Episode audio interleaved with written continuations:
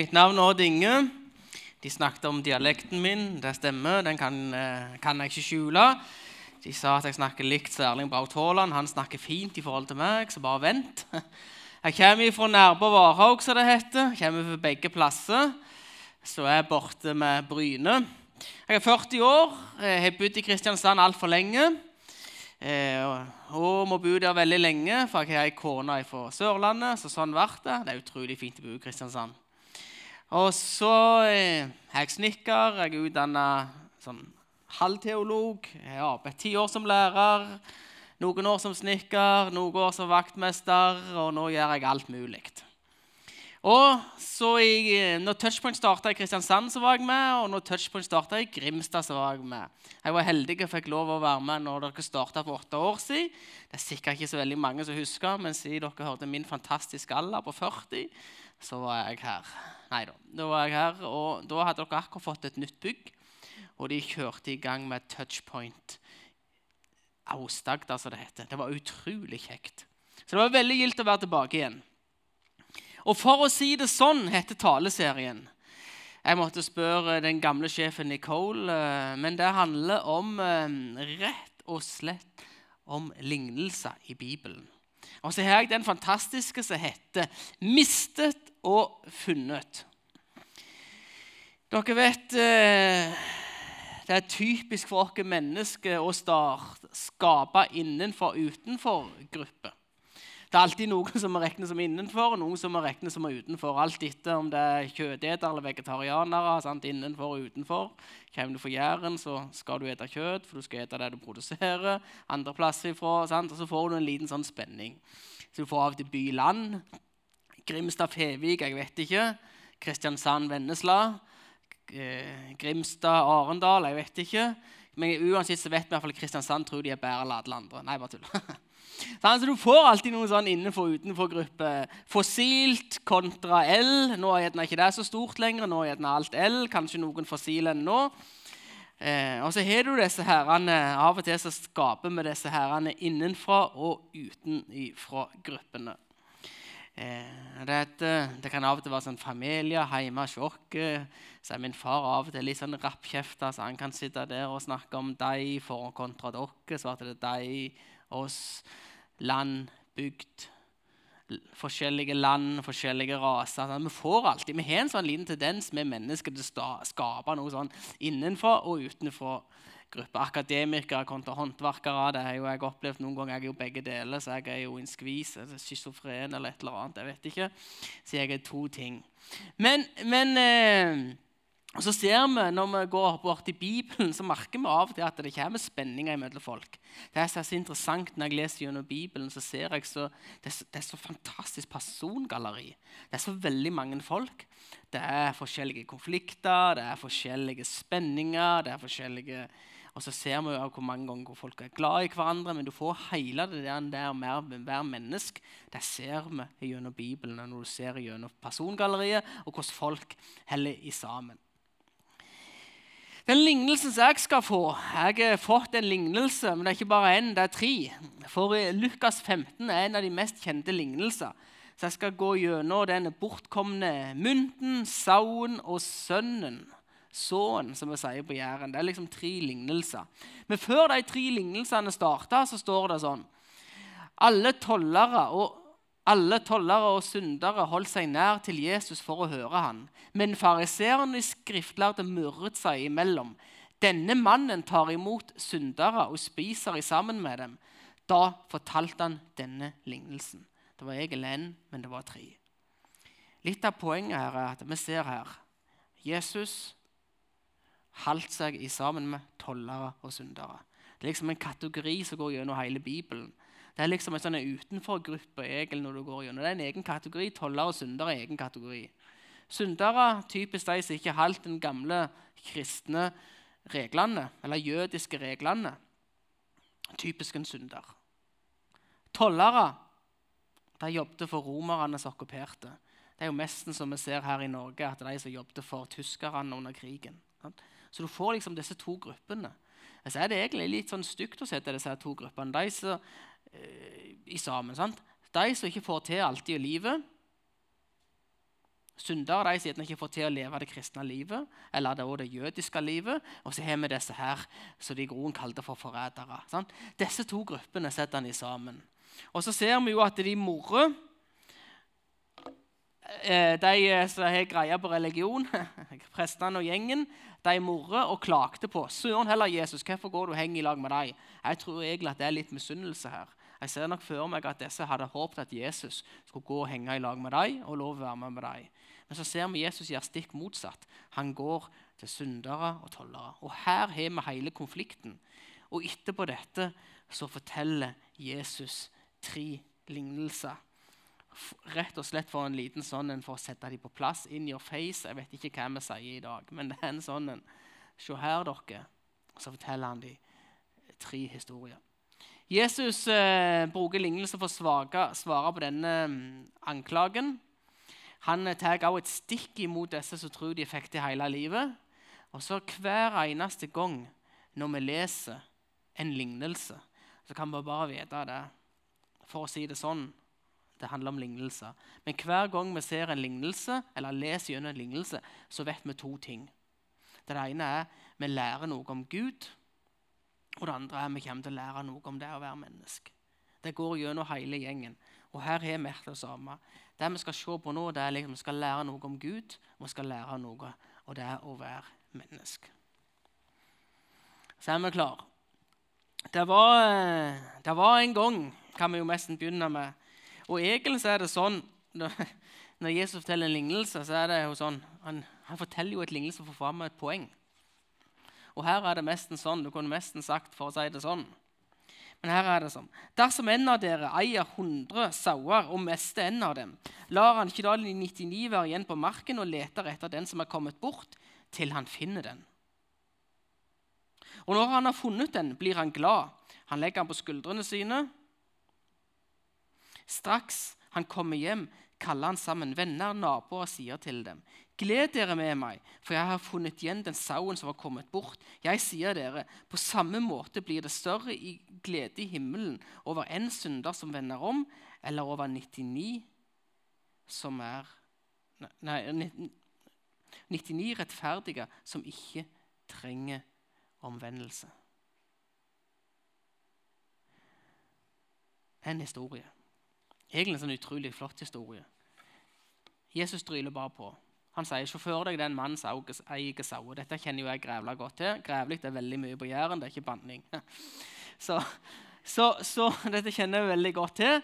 Eh, sant? Vokste opp rundt eh, bønder, og hele slekta mi, eller halve slekta mi er det. Eh, er jo bønder. vokser opp der. Og vi vet jo bare det at dyra betyr utrolig mye. Dyra betyr veldig mye, og det sier veldig mye om en mann òg, hvordan, hvordan, hvordan, han steller med dyra. Vi har av og til sett noen, sånn, noen avisoppslag der vi ser folk ikke tar vare på dyra. og det, Du kommer ikke godt ut av det. Sant? Du kommer ikke godt ut av det rundt i gjengen. Altså, du skal ta godt vare på dyra. Så denne her historien forstår jeg veldig godt. Han har 99 sauer, den ene har forsvunnet. Vi vet jo det at hvis de forsvinner Seinere altså, vi, på Jæren vi sender de opp til Sirdal. noen som kjenner til Sirdal, Det er i grunnen Indre Agder. Det er liksom oppe i Agder, langt oppe i Gokk. Sånn, der sender vi sauene våre på, på sommerbeide. Sånn, når høsten kommer, høsten, the fall, autumn or anything no, Nei, ja. If you don't understand what I saying, I can take it on English. You love my English. Sånn, så henter vi de ned igjen.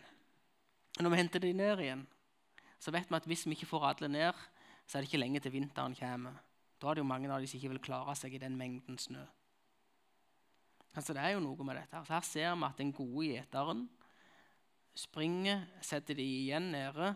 Det som jeg vet hvordan vi i hvert fall gjør, det er at vi setter de rundt et gjerde, så vi vet at det er trygt. og Så springer vi opp igjen og så henter vi resten. Henter vi den ene sauen som er, og så tar vi den ned igjen. Det har jeg vært med på. Det var oppe i Suldal, så det var faktisk Rogaland. Oppe i Røldal-området, som noen kjenner til. Så jeg har vært med på dette her. Sånn? Og så Jesus forteller den lignelsen. Og Litt av poenget er bare for å vite hvor ekstremt glad Gud er i mennesk. Og her er det jo spesielt de som har kommet vekk. Og så vet jeg det som å menneske av og til.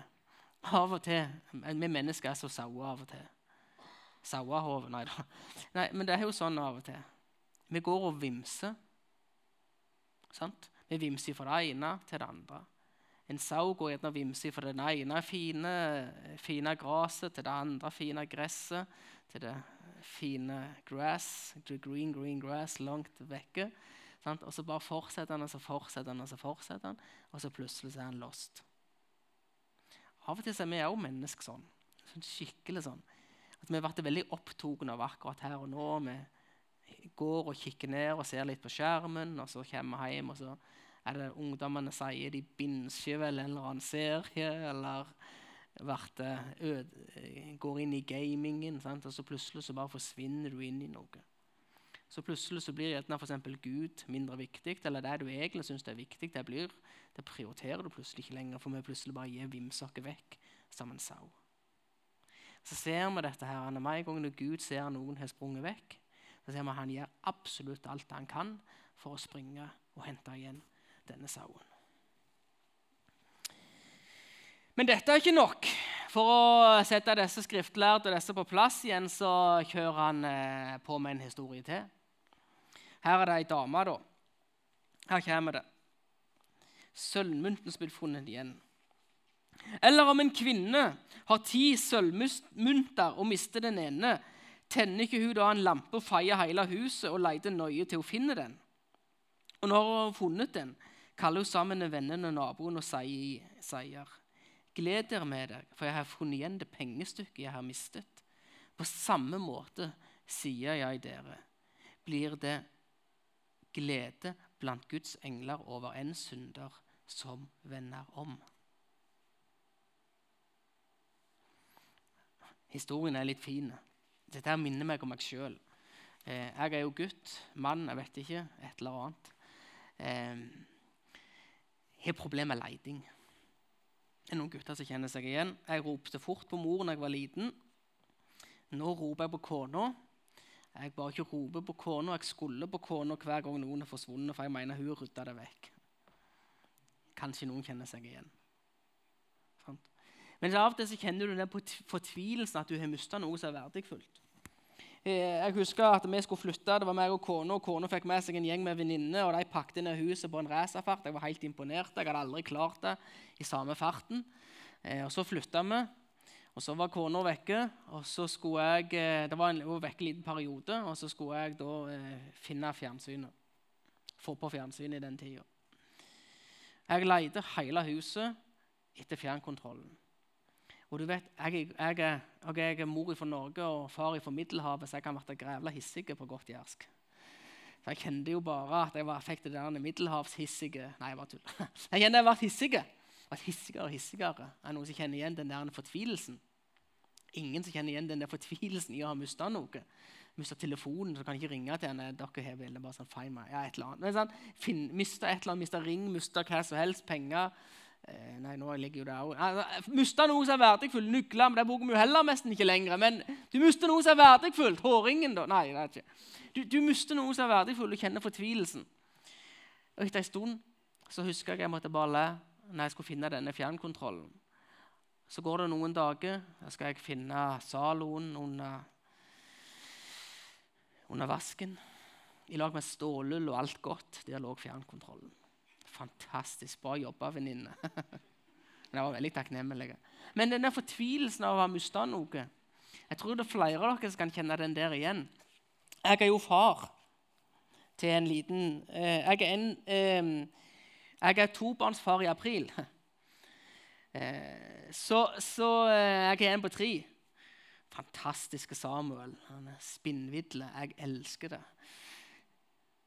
Men av og til der, Det er bare foreldre som kan kjenne på en sånn ekstrem fortvilelse hvis du er en eller annen plass og du har mista blikket, og han forsvinner. Og han der, min gutt, han kan forsvinne ekstremt fort fordi han er så vidle.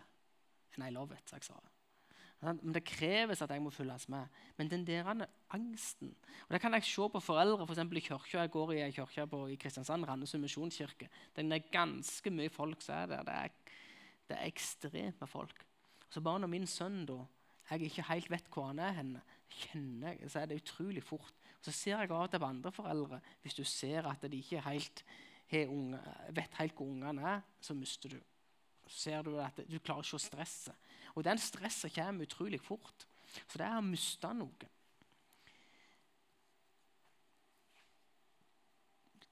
Det skaper en stress, gjør det ikke? Så er det samme med verktøy. Det kan være litt sånn irriterende. Noen bits og noe sånt, noe snikker, det kan være irriterende. Men akkurat den der, når sønnen, min sønn, begynner å bevege seg eh, der jeg ikke har kontroll, da stresser jeg.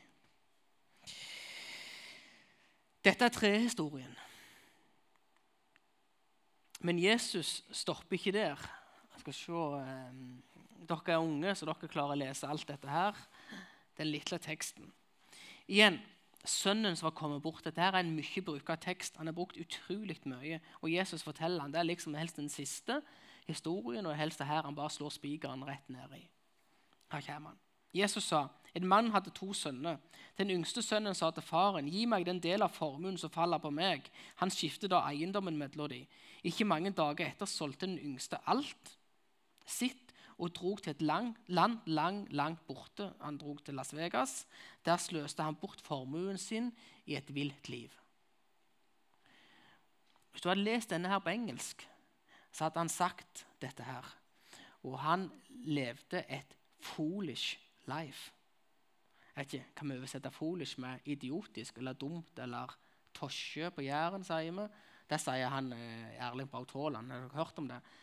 De spør han disse her, han, eh, journalistene så spør de han spør de han spørsmål, så svarer han jo veldig kort i begynnelsen av karrieren. Så sier han hvis du spør noe tosje, så svarer jeg ikke. Sant? Og det er i grunnen noe idiotisk, noe dumt. Og her er det egentlig, Hvis du leser det på engelsk, så står det 'foolish life'. He lived a foolish life. Dere, klarer sikkert, dere er bedre enn engelsk enn meg, det vet jeg. Så sikkert så det er ammen i kirka at dere vet hva 'foolish life' betyr. Men for meg som kommer fra Jæren igjen, eh, så er jo dette her, bare denne begynnelsen her er i grunnen helt vidle.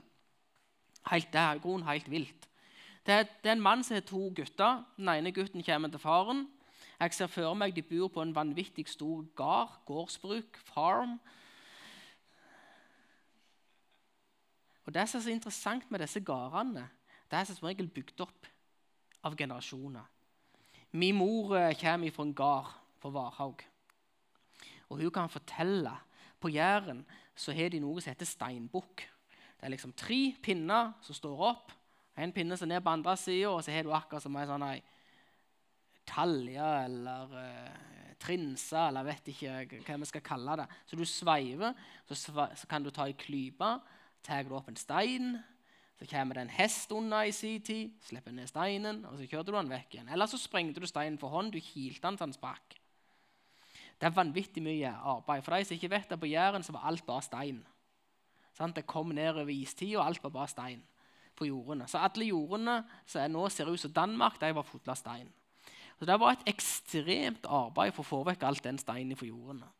Og så kan man si mange andre gårder rundt om i Norge. Der har de, brukt, de har jobbet ekstremt, ekstremt, ekstremt, ekstremt Om det er Reddal eller hvor som helst, de er ekstremt mye for å bygge opp disse gårdene. Og det som var for helt fram til for 20 år siden på Jæren, så solgte du ikke en gard ut av slekta. Det var så ekstremt mye følelser til henne. Det gjorde du ikke. Nå i det siste har de begynt å kunne selge ut. Nå er det mer aksept på at den kan gå ut av slekta. Men der gjør du det bare ikke. Og her ber han her gutten gi meg halvparten av det som er mitt. Tar halvparten av gården, halvparten av sauene, halvparten av kyrne og kamelene og alt i hop. Selger de, reiser han til Las Vegas langt, langt vekke, og så står det 'He lived a foolish life'. Hvis vi leser lenger nede, så ser vi faktisk at han sløste vekk pengene i lag med hore. står det. Altså, altså, det, det, det, er jo bare sløseri. Det er så idiotisk. så de sier, a foolish life, Derfor kan jeg si idiotisk på, på, på, i en tale. Skal vi lese videre?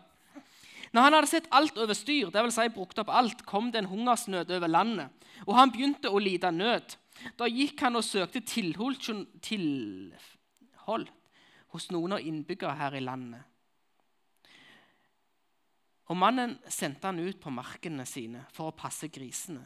Han ønsket bare å mette seg av belgfrukten som grisen åt, og, og, ingen gav han noe. Da han kom til seg selv, det vil altså si når han har vært der veldig, veldig, veldig lenge, kom til seg selv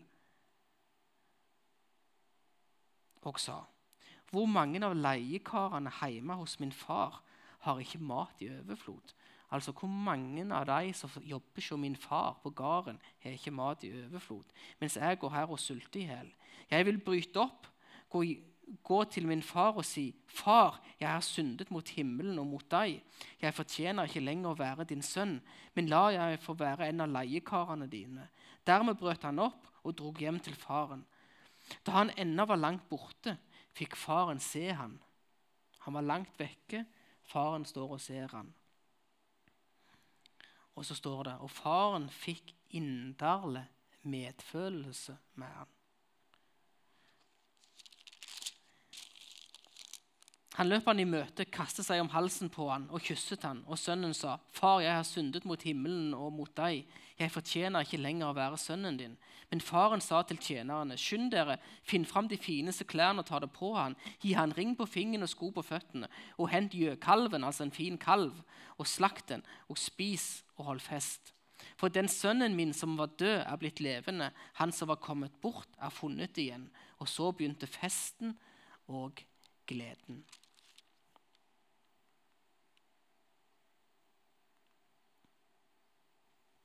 Jeg leste bare alt gjennom en gang. Det var for, det var litt for langt vekk. En, det var den tredje teksten som han bruker for å sette disse på plass, Så klagde over at Jesus åt i lag med tollere og syndere. Jeg synes Det er en utrolig fin tekst. Sant? Han viser først en sønn som var dum. Eller dum, ja, de kalte han for foolish. Så jeg har lov å kalle han dum. Er det greit?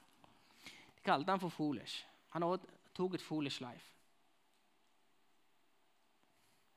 Og så står det når han hadde sett alt over styr, så kom det et hungersnød. Videre så lengta han tilbake igjen på det han hadde hatt. Og så husket han alle de som arbeidet for min far, de hadde det veldig godt. De hadde mat på bordet, de hadde det utrolig godt. Jeg vil gå hjem til min far. Jeg vil først be om tilgivelse for alt for jeg har vært, for det jeg har gjort. Og så ser vi når han gjør dette, her, så sier de at faren står hver dag og speider etter sønnen. Og når han ser sønnen, og når han ser at han kommer tilbake igjen i fille og har ødelagt alt, så får far en inderlig medfølelse med han. Inderlig medfølelse det står det om i Bibelen. Der står det kun om åtte ganger. Og De gangene det står om det, så er det som regel om Gud, som har inderlig medfølelse for noen folk. Det er noe så inderlig, det er noe så ekstrem medfølelse som er, er, er, veldig vanskelig. Min gode venn Paulus har skrevet mye av Nytestamentet. Han, han oppfordrer dere til å få inderlig medfølelse for folk. Men når det står beskrevet, så står det mest beskrevet om at det er Gud som får det over når folk har det vondt eller vanskelig. Og Her ser han at sønnen kommer inn, og så får han inderlig medfølelse. Første reaksjon var i grunnen å si Fy fillen, du har sløst vekk alt. Den første reaksjonen var å kjefte på han. Hvis vi lest lenger ned i teksten, så ser vi at broren ble sur. Broren ble veldig veldig sur fordi han har sløst vekk halve gården. Men det gjorde ikke faren. Faren ble ikke sur. Faren fikk inderlig medfølelse med han. Og så tok han han til seg. Og så ble det en stor glede når han kom hjem igjen. Og så fikk de den festen. Tekst, så Hvis noen jo om Jeg vet ikke om det er helt teologisk Dama hadde skikkelig panne Når jeg tenker på den historien, jeg vet heller ikke om det er teologisk riktig.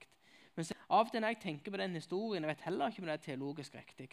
Men så har jeg truffet mange unge mennesker, og mange mennesker generelt sett der livet har skjedd. Og på et eller annet vis så har de mista troa.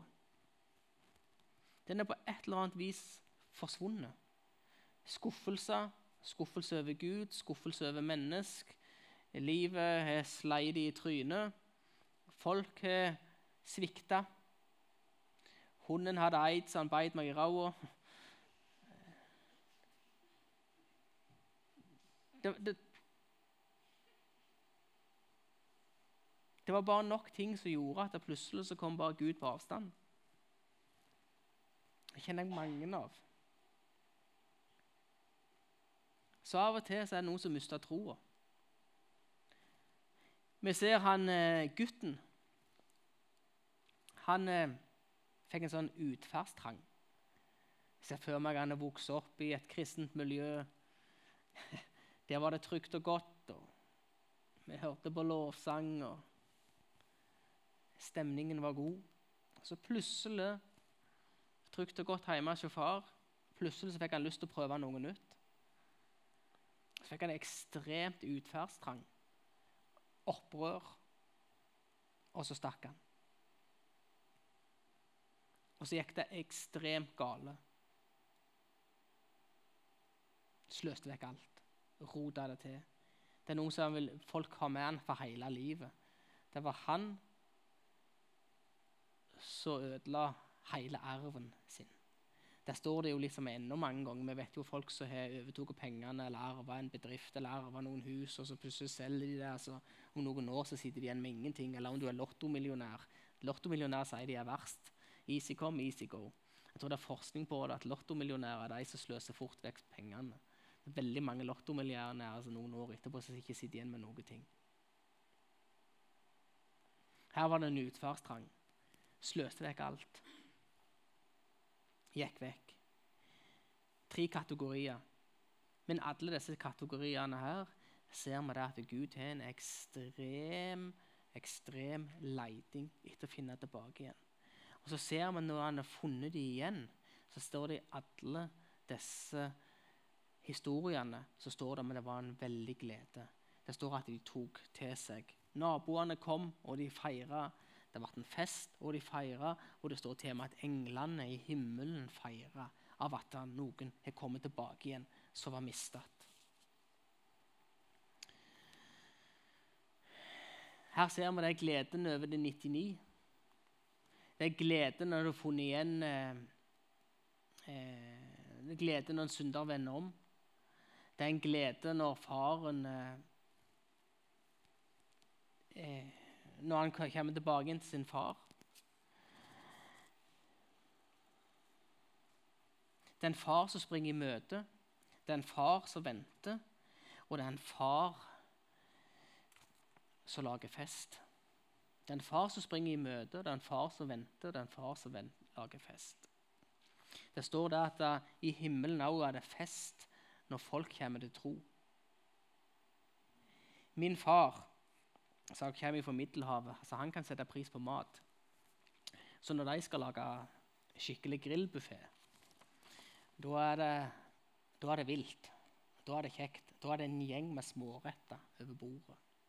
Og jeg elsker det. Så når jeg ble eldre, så, prøvde, så nå prøver jo jeg å lære å lage alle disse rettene som han lager. Det er jo helt fantastisk. Så når jeg da tenker på disse festene i himmelen, så tenker jeg det er som når min far lager til et vanvittig grillbord med alt av salater, alt av kjøtt og alt av småretter, alt av dressinger uten majones i, for det fins bare i Frankrike. Det er litt lengre videre. Nei, bare tuller. Det, det, det, det, er helt utrolig nydelig. Så det er en festende far. Men alt dette herrene, alle disse tre All these three. Alle disse tre. Alle disse tre, det var jeg prøvde å si. Historiene viser noe om Gud og hvordan han lengter etter at folk som er kommet vekk, eller er vekke, eller aldri har hørt om han, skal få lov å komme til han. Han snakker om det syndere vender om. Vi ser denne gutten. Når han kom tilbake til faren, så sa han egentlig 'tilgi meg', jeg vet jeg har synda mot deg'. Og så sier bare faren, 'Kom inn'. Han gir en ring, han gir en kappe, og han gir han en stor fest. Og så sier han egentlig med det, 'Du er tilgitt. Kom inn til meg, og kom inn i mitt rike'. Det er noen utrolig fine bilder om Gud. Og vi ser at egentlig tar Jesus et kraftig oppgjør med fariseerne som klager på at Jesus er i lag med syndere og tollere. Det er derfor han forteller disse tre historiene. Derfor de klager og murrer for han er i lag med disse tre syndere og tollere. TP sin visjon den sto bak her. TP sin visjon er at visjonen er å nå mennesker som er borte fra Gud og menighet, og gjøre dem til etterfølgere av Jesus. Det som ligger i den visjonen, det er dette her. At det er faktisk noen mennesker som er borte fra Gud, og så er det noen, noen som er borte fra menighet.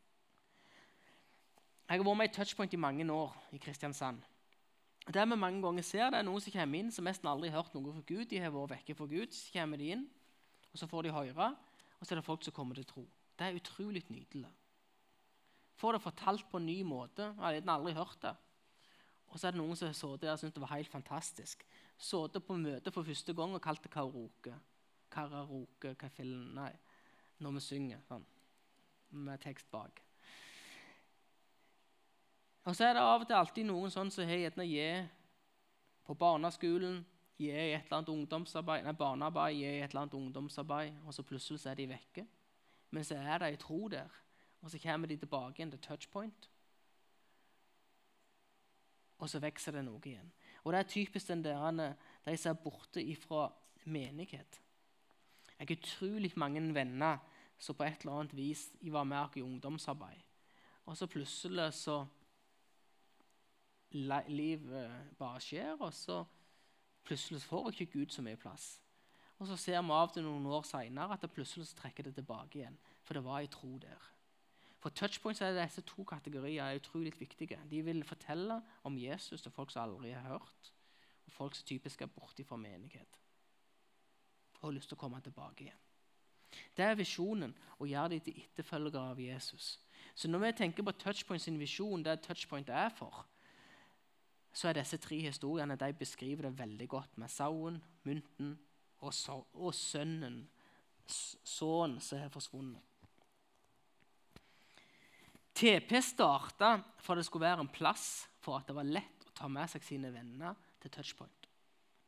Vi starta touchpoint i Kristiansand og starta det i, i, Grimstad i sin tid. Så var det at det skulle være en plass det var lett å ta med deg dine venner som ikke har hørt før. Det var en plass det skal være lett å ta med seg sine venner på møte. Skulle gjøre alt for det. Hovedhensikten var nå, og det var veldig viktig å nå de som var vekke fra Gud. For vi vet at det er en, ho vi, vi vet at det er en hovedsak for Gud å nå mennesk. Jeg gjorde det ikke lett for deg, lydmann. nå. Unnskyld, se i nåde, er meg, syndige mennesk. Den forsvant litt. Eh, vi vet at det er utrolig viktig for Gud å nå mennesk. Og så vet vi at det er en av hovedsakene til Gud. Det er å finne det som er mista. Igjen. Av og til Det kan jo være noen her i salen som kommer bort.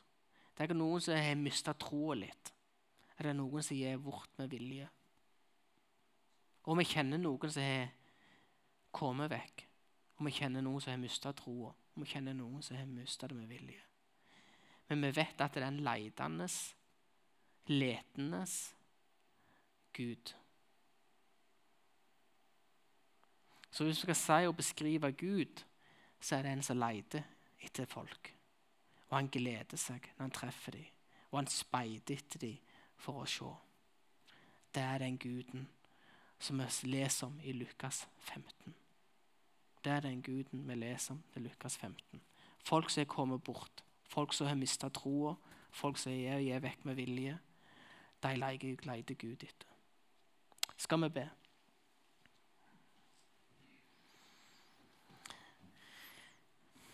Kjære gode Gud. Først av alt så har jeg lyst til å takke deg for denne teksten. Jeg har lyst til å takke deg for, uh, for at vi har fått den. Jeg har lyst til å be for uh, alle som sitter her i salen. Jeg har lyst til å be for de som er på leit, til de som har kommet vekk, til de som har funnet. Jeg ber, kjære gode Gud, om at folk også skal gjøre sånn som sønnen og vende tilbake igjen, sånn at faren kan ta han imot og gi dem en stor fest. Så jeg har lyst til å be for hver enkelt som sitter her, om at de også skal få lov å være med og lete og kikke etter folk og invitere dem med seg til en plass der det er lett å møte faren som står og speider etter dem. Så jeg har lyst til å be for touchpoint. Jeg har lyst til å be for dette, å få dette hjertet til Gud om å, være, om, om å lete, om å kikke. Så jeg har lyst for hver enkelt må åpne hjertet til den leitende og gledende og festende far. Og tilgivende faren. Amen.